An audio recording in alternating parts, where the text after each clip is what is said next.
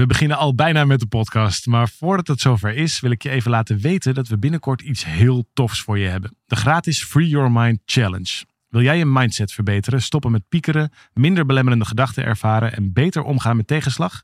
Schrijf je dan in voor deze challenge via www.365dagensuccesvol.nl slash challenge. Het is van 26 mei tot en met 29 mei en ik heb er heel veel zin in. We beginnen nu met de podcast.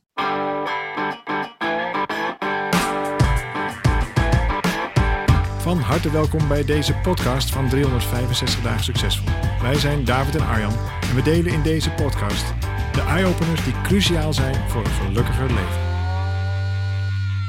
Van harte welkom. Daar zijn we weer met een nieuwe podcast. Uh, David, heb je er weer zin in? Ja, ik vind het ontzettend leuk. Iedere week weer. Ja, het is wat ik leuk vind om te zien. We doen dit nu een tijdje en er komen ook um, steeds meer reacties op. Dus er zijn mensen die ons uh, uh, op social media hierover benaderen of uh, daar vragen over stellen of onderwerpen aandragen. Ja, sowieso net nog. We, we, waren toevallig even live op Facebook ja. om wat andere dingen mede te delen. En toen begonnen mensen spontaan te zeggen over onderwerpen voor onze podcast. Vond ik ook, leuk. Ja, ja, inderdaad. Dus het begint te leven. Nou, dat is natuurlijk altijd fijn. Ook als je, nou ja, zoals wij, we zijn natuurlijk op een missie. Nederland het gelukkigste land. En dan is het natuurlijk cool om te zien dat dat, nou ja, als je iets maakt, dat dan mensen daar iets aan hebben of zo. Of dat dat uh, bijdraagt. Ja, al zou het maar door tien mensen gewaardeerd worden, dan vind ik het nog de moeite waard. Nou, ik denk dat dat lukt. In ieder dat geval. denk ik ook.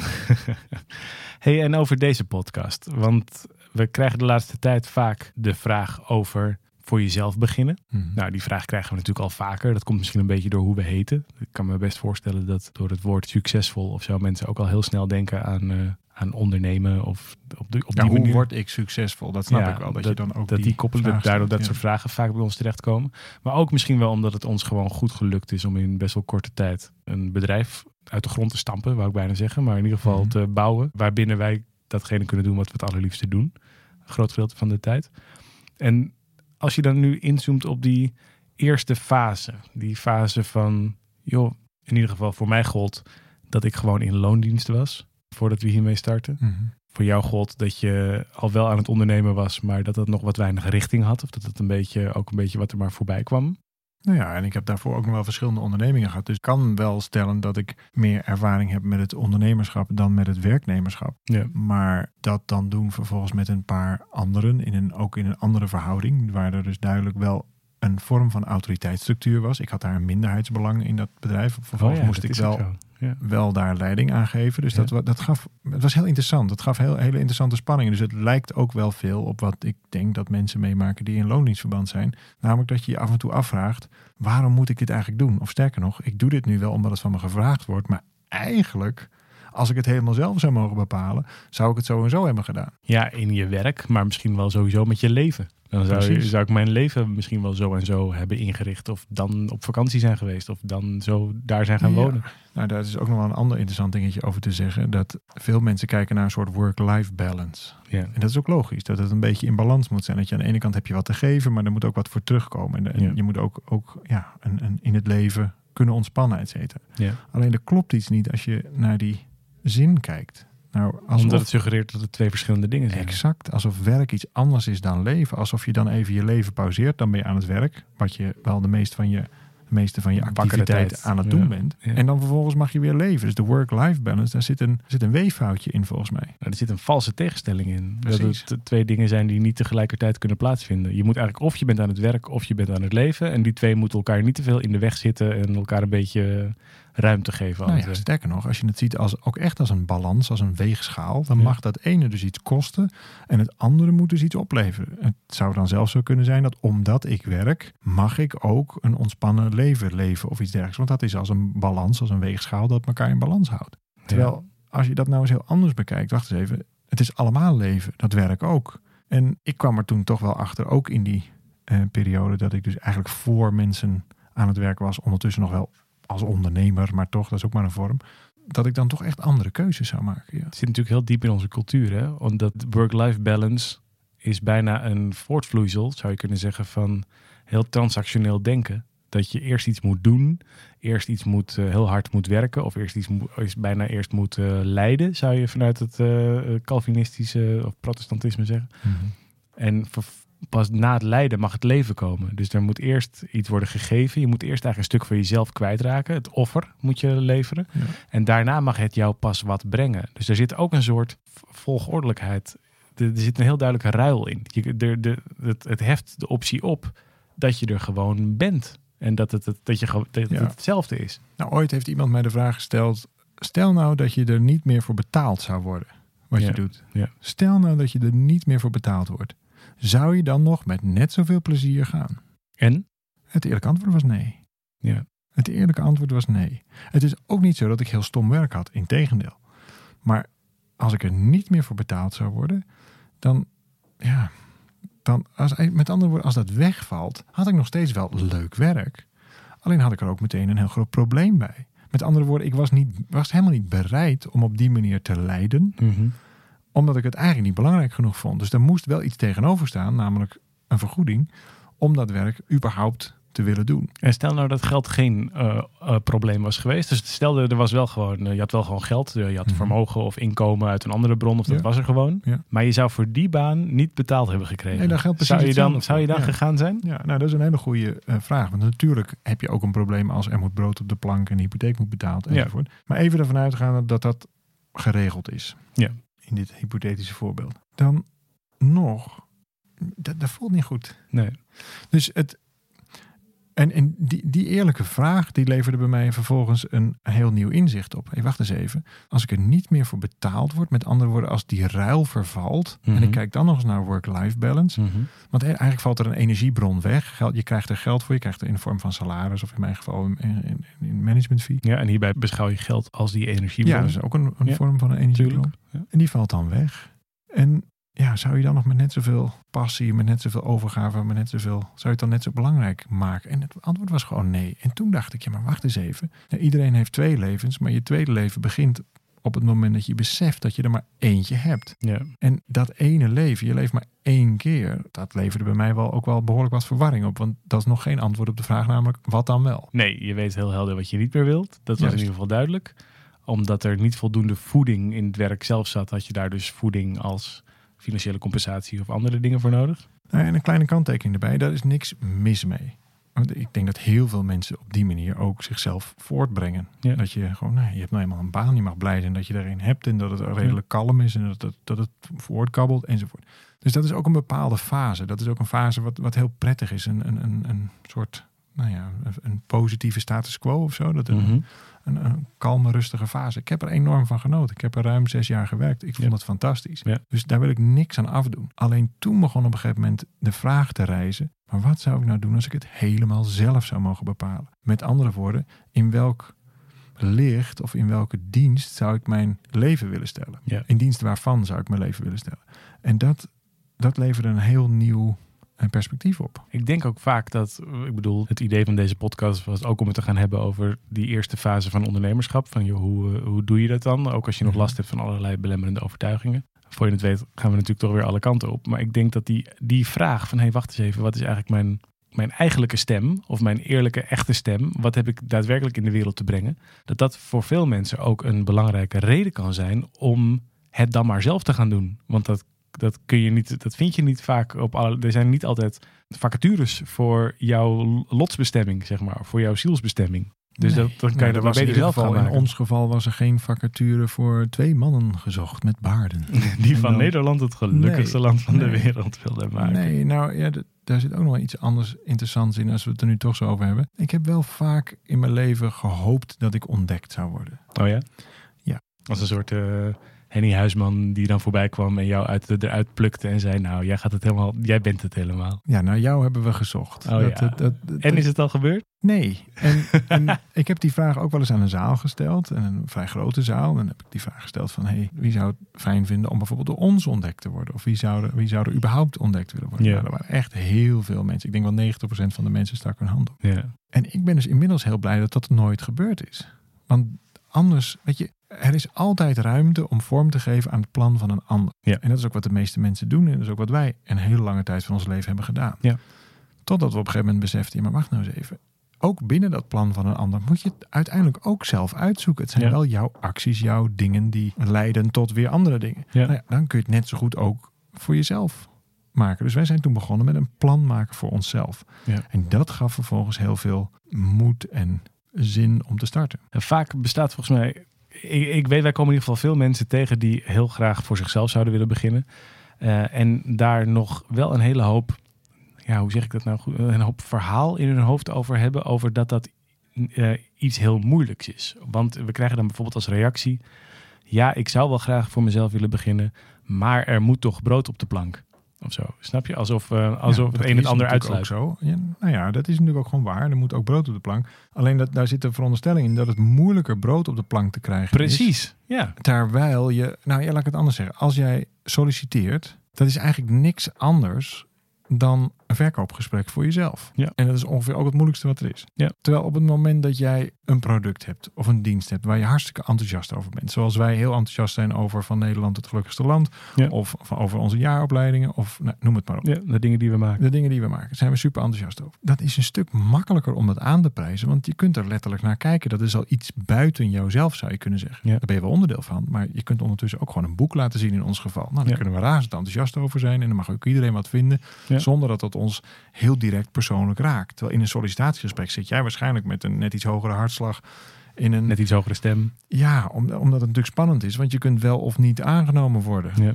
Ja, dus ook daar zijn wel hele interessante dingen over te vertellen. Kunnen we ook nog eens een podcast over maken. Hoe je dat dan een beetje anders zou kunnen doen. Maar in ieder geval, als je dat durft. En bijna iedereen doet dat op die manier. Ja. En gaat op zoek naar een baan of wil carrière maken. Heeft functioneringsgesprekken. Allemaal van in, in de beoordelingslijn. Mhm. Op het moment dat je dat anders durft te zien. En je wacht eens even. Eigenlijk is dit dus een persoonlijk verkoopgesprek. Ja. Ik kom helemaal niet te horen of ik het goed heb gedaan. Ik kom carrière maken. Ik kom Ja. hier iets halen. Omdat ik al iets heb gebracht. Ja. Als je dat zo kunt zien. Dan heb je eigenlijk de eerste stap richting ondernemerschap al te pakken. Want dat is namelijk wat je doet als ondernemer. Sterker nog, ik denk dat. Ik, volgens mij het eerste wat je ziet door dit voorbeeld wat je geeft, is dat het veel meer op elkaar lijkt dan dat we vaak doen. Als we doen vaak alsof we twee totaal verschillende werelden Exact. zijn. Maar het is, Het gewoon een vorm. het zijn gewoon mensen die samenwerken. In. De, ofwel in zo'n ene verband of in het andere Precies. verband. Maar daarnaast zeg je, als je ze dan toch met elkaar, met elkaar vergelijkt, dan is vaak die stap om het dan zelf te doen, is vaak eigenlijk van de twee de meest aantrekkelijke. Of de, de misschien nog wel zelfs makkelijker dan, dat, eh, dan wanneer je elke keer op een plek probeert te solliciteren. Nou ja, uit onderzoek blijkt dat je eh, gelukkiger wordt. Of in ieder geval minder gelukkig wordt van minder zelfbeschikking. Ja. Dus op het moment dat Autonomie maakt gelukkiger. Ja, autonomie, eh, meer autonomie maakt meer gelukkig. Dus Ja. op het moment dat jij dingen moet waar ik mee begon. Als ik, ik moest in de tijd dingen doen waarvan ik eigenlijk zelf al wist dat als ik het zelf had mogen bepalen, helemaal zelf, dan had ik andere keuzes gemaakt. Ja. Dat betekent dat ik dus autonomie heb ingeleverd. En dus ook een stuk van mijn eigen leven eigenlijk heb ingeleverd. Dus waar heb je nou het meeste autonomie? Ja, op het moment dat je zelf de baas bent. Als je gewoon voor jezelf zorgt. En op het moment dat jij zegt, nou ja, dat is wel een heel, heel aardig voorbeeld. Mijn geliefde Emanuela, die is eh, relatietherapeut. En die begeleidt eh, stellen en programma's met relatie-issues. En wat zij mij leerde is dat als je een, een, een, ehm, een nieuw koppel, zeg je het zo, een nieuw stel hebt, Mhm. die dan daar eh, komt voor een eerste keer, dan is zo'n eerste sessie eigenlijk alleen maar om te bepalen of er een klik is. Als er geen klik is, kun je namelijk niet van betekenis zijn voor iemand. Nou, leg die wijsheid nou eens over een loondienstverband heen. Ja. Er moet eerst een klik zijn, anders kun je niet van waarde zijn voor elkaar. Ja. Nou, ik hoor maar meer dan genoeg mensen die gewoon met elkaar moeten samenwerken, waar eigenlijk helemaal geen klik is. Nou, dan heb je en al minder autonomie en ook nog eens eigenlijk geen klik. Ja. Nou, als je dan, dan nog even de sanity check eroverheen doet, hè, dus, dus is dit nou eigenlijk wel zo verstandig? Dan kun je dus afvragen of dat dan gelukkiger maakt. Nou, ik denk dus van niet. Nee, omdat je een stuk van jezelf vaak moet verloochenen, niet jezelf kan zijn. Ik heb het er wel eens regelmatig met mensen over. Van joh, eh, helemaal als mensen al een tijdje wat aan het mopperen zijn. Op bijvoorbeeld op hun leidinggevende Ja. of op hun ehm, eh, arbeidsvoorwaarden. Of op andere, zeg maar, gegeven dingen in hun, Mhm. eh, in hun werksituatie. Dan vraag ik wel eens aan ze of het ze niet een aantrekkelijk idee lijkt om hun kennis op een andere manier te verkopen. In plaats van dat je het aan een werkgever Ja. Verkoop je dan je kennis bijvoorbeeld aan een klant of aan een opdrachtgever of eh, op andere manieren. En vaak eh, krijg je daar dan als reactie op, of ik krijg daar dan als reactie op, nee, maar dat is, dat is heel erg onzeker. Het is heel erg onzeker om, ehm, eh, om zelf klanten te moeten zoeken, bijvoorbeeld. Mhm. En ik zat er een keer over na te denken en toen dacht ik, ja, dat, je kunt, het hangt er maar net vanaf hoe je ernaar kijkt. Want als je namelijk zegt, ik leg mijn hele ziel en zaligheid en mijn financiële afhankelijkheid leg ik in de handen van één iemand met wie ik een contract heb, namelijk mijn werkgever. Of ik leg dat in handen van een aantal mensen, namelijk mijn klanten, en dan allemaal een paar uur of allemaal een product of allemaal iets, nou ja, wat ook maar je, je vorm is dan ben je eigenlijk minder onzeker als je um, financieel van klanten afhankelijk bent, dan wanneer je financieel van één werkgever afhankelijk bent. Want als die opeens in een zware buiten terecht komt of niet meer je contract wil verlengen, wat heb je dan nog? Precies. Nou, wat we in ieder geval in deze podcast proberen duidelijk te maken, zoveel begint mij nu zelf in ieder geval duidelijk te worden, is dat als je de parallellen bekijkt, dus de overeenkomsten bekijkt tussen het loondienstverband en het voor jezelf beginnen. En nogmaals, we spreken tegen mensen nu. En we gaan er even vanuit dat je overweegt om misschien een keer voor jezelf te beginnen. Of je bent net voor jezelf begonnen. Ja, dit is om die gedachten wat uh, te verder te brengen. Nou, om te ordenen. Kijk, op het moment dat je de parallellen ziet, als je de overeenkomsten ziet. Hé, hey, wacht eens even. Er zit dus helemaal niet zo heel veel verschil tussen. Zowel aan de goede kant als aan de minder goede kant. Het is dus helemaal niet zo heel zeker.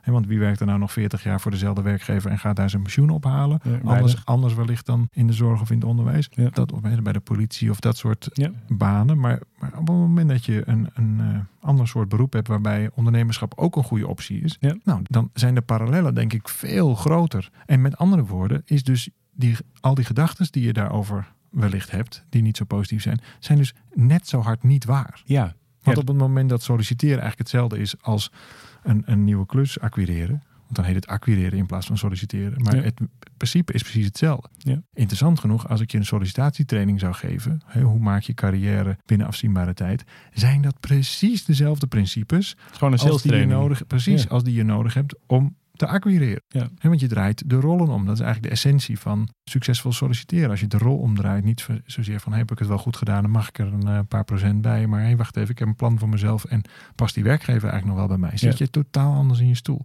Nou, op het moment dat je dat zo doet, zoals Emanuela zeg maar een klikgesprek voert met haar cliënten, als jij dat ook zo doet met je opdrachtgever of met je werkgever, dan zul je merken dat het zelfs precies hetzelfde is.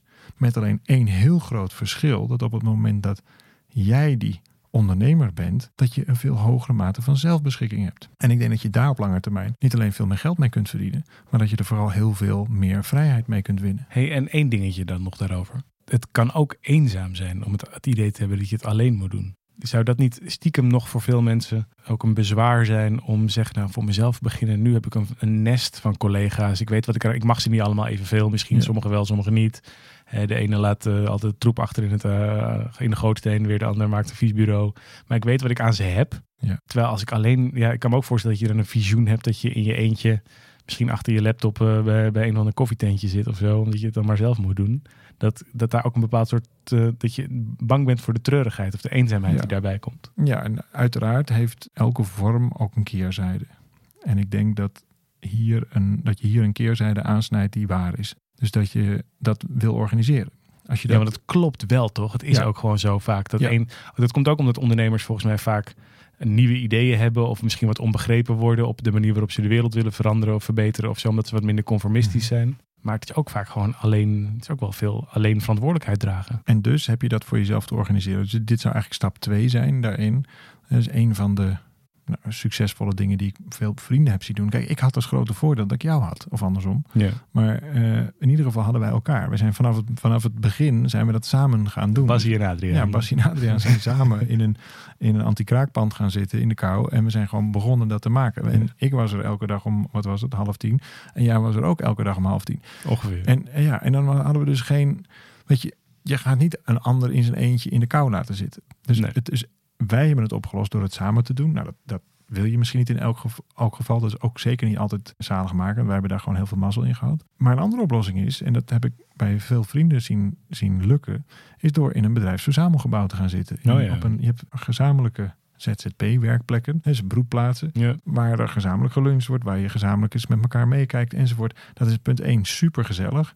Je leert heel veel van elkaar, maar er wordt ook onwijs veel business gedaan onderling. Ja. En dat, dat worden van lieverlee vanzelf ja, samenwerkingsverbanden er ontstaan, zelfs eh, partnerships uit, et cetera. Ja, dat zie je in onze opleiding natuurlijk ook gebeuren. Exact. Daar komen, dat is eigenlijk dus ook bijna een soort verzamelgebouw voor, Nou ja, voor veel mensen die graag voor zichzelf Ja. beginnen of dat al gedaan hebben. Nou, er zijn hele succesvolle bedrijven uit ontstaan. Die elkaar daar hebben ontmoet. Inderdaad. En dan vervolgens eigen programma's opzetten. Eh, soms zelfs concurrerende programma's van ons vind ik ook Oh wel ja. grappig. Die parallel had ik nog nooit bedacht. Dat het eigenlijk een soort eh, professional verzamelgebouw is ge- ge- geworden. Ja, omdat wij mensen triggeren op, hey, kijk eens hoe het zou zijn als je dit helemaal vanuit jezelf doet. En Ja. nogmaals, of je dat dan bij een werkgever doet of voor jezelf, het is ook maar een vorm. Maar als je het in ieder, in ieder geval maar doet vanuit het zelfcreërende stuk. Nou, als je dat inziet, ja, dan wil je denk ik nooit meer wat anders. En wat ga je dan doen? Of wat zie je dan, zeker als je bij ons die, die opleiding doet, dat iedereen dat doet. Dat het eigenlijk een normale manier Ja. is van je leven laten ontvouwen. Nou, en dan is het ook niet zo gek te bedenken dat je daar allerlei partnerships eh, uithaalt. Ja. Geinig. Leuk. Ik ben benieuwd hoe jij hierover denkt. Misschien eh, dat je hier een punt uithaalt wat je nu in deze fase waarin je zelf zit, als je overweegt om voor jezelf te beginnen, of daar misschien in die eerste fase daarvan zit, ben ik heel benieuwd eh, wat je bijblijft als je dit zo hoort, ons hier van gedachten over hoort wisselen. Misschien zijn er dingen die meteen ontzettend bij je eh, binnenkomen. Misschien zijn er ook dingen die, waar je het ongelooflijk mee oneens bent. Ik ben heel benieuwd naar jou. Sowieso benieuwd naar wat je hiervan vindt. Naar jou, eh, wat je eraan hebt. Eh, als je er enthousiast over bent, sowieso leuk als je het wilt delen. Of met andere mensen, bij andere mensen onder de aandacht wil brengen.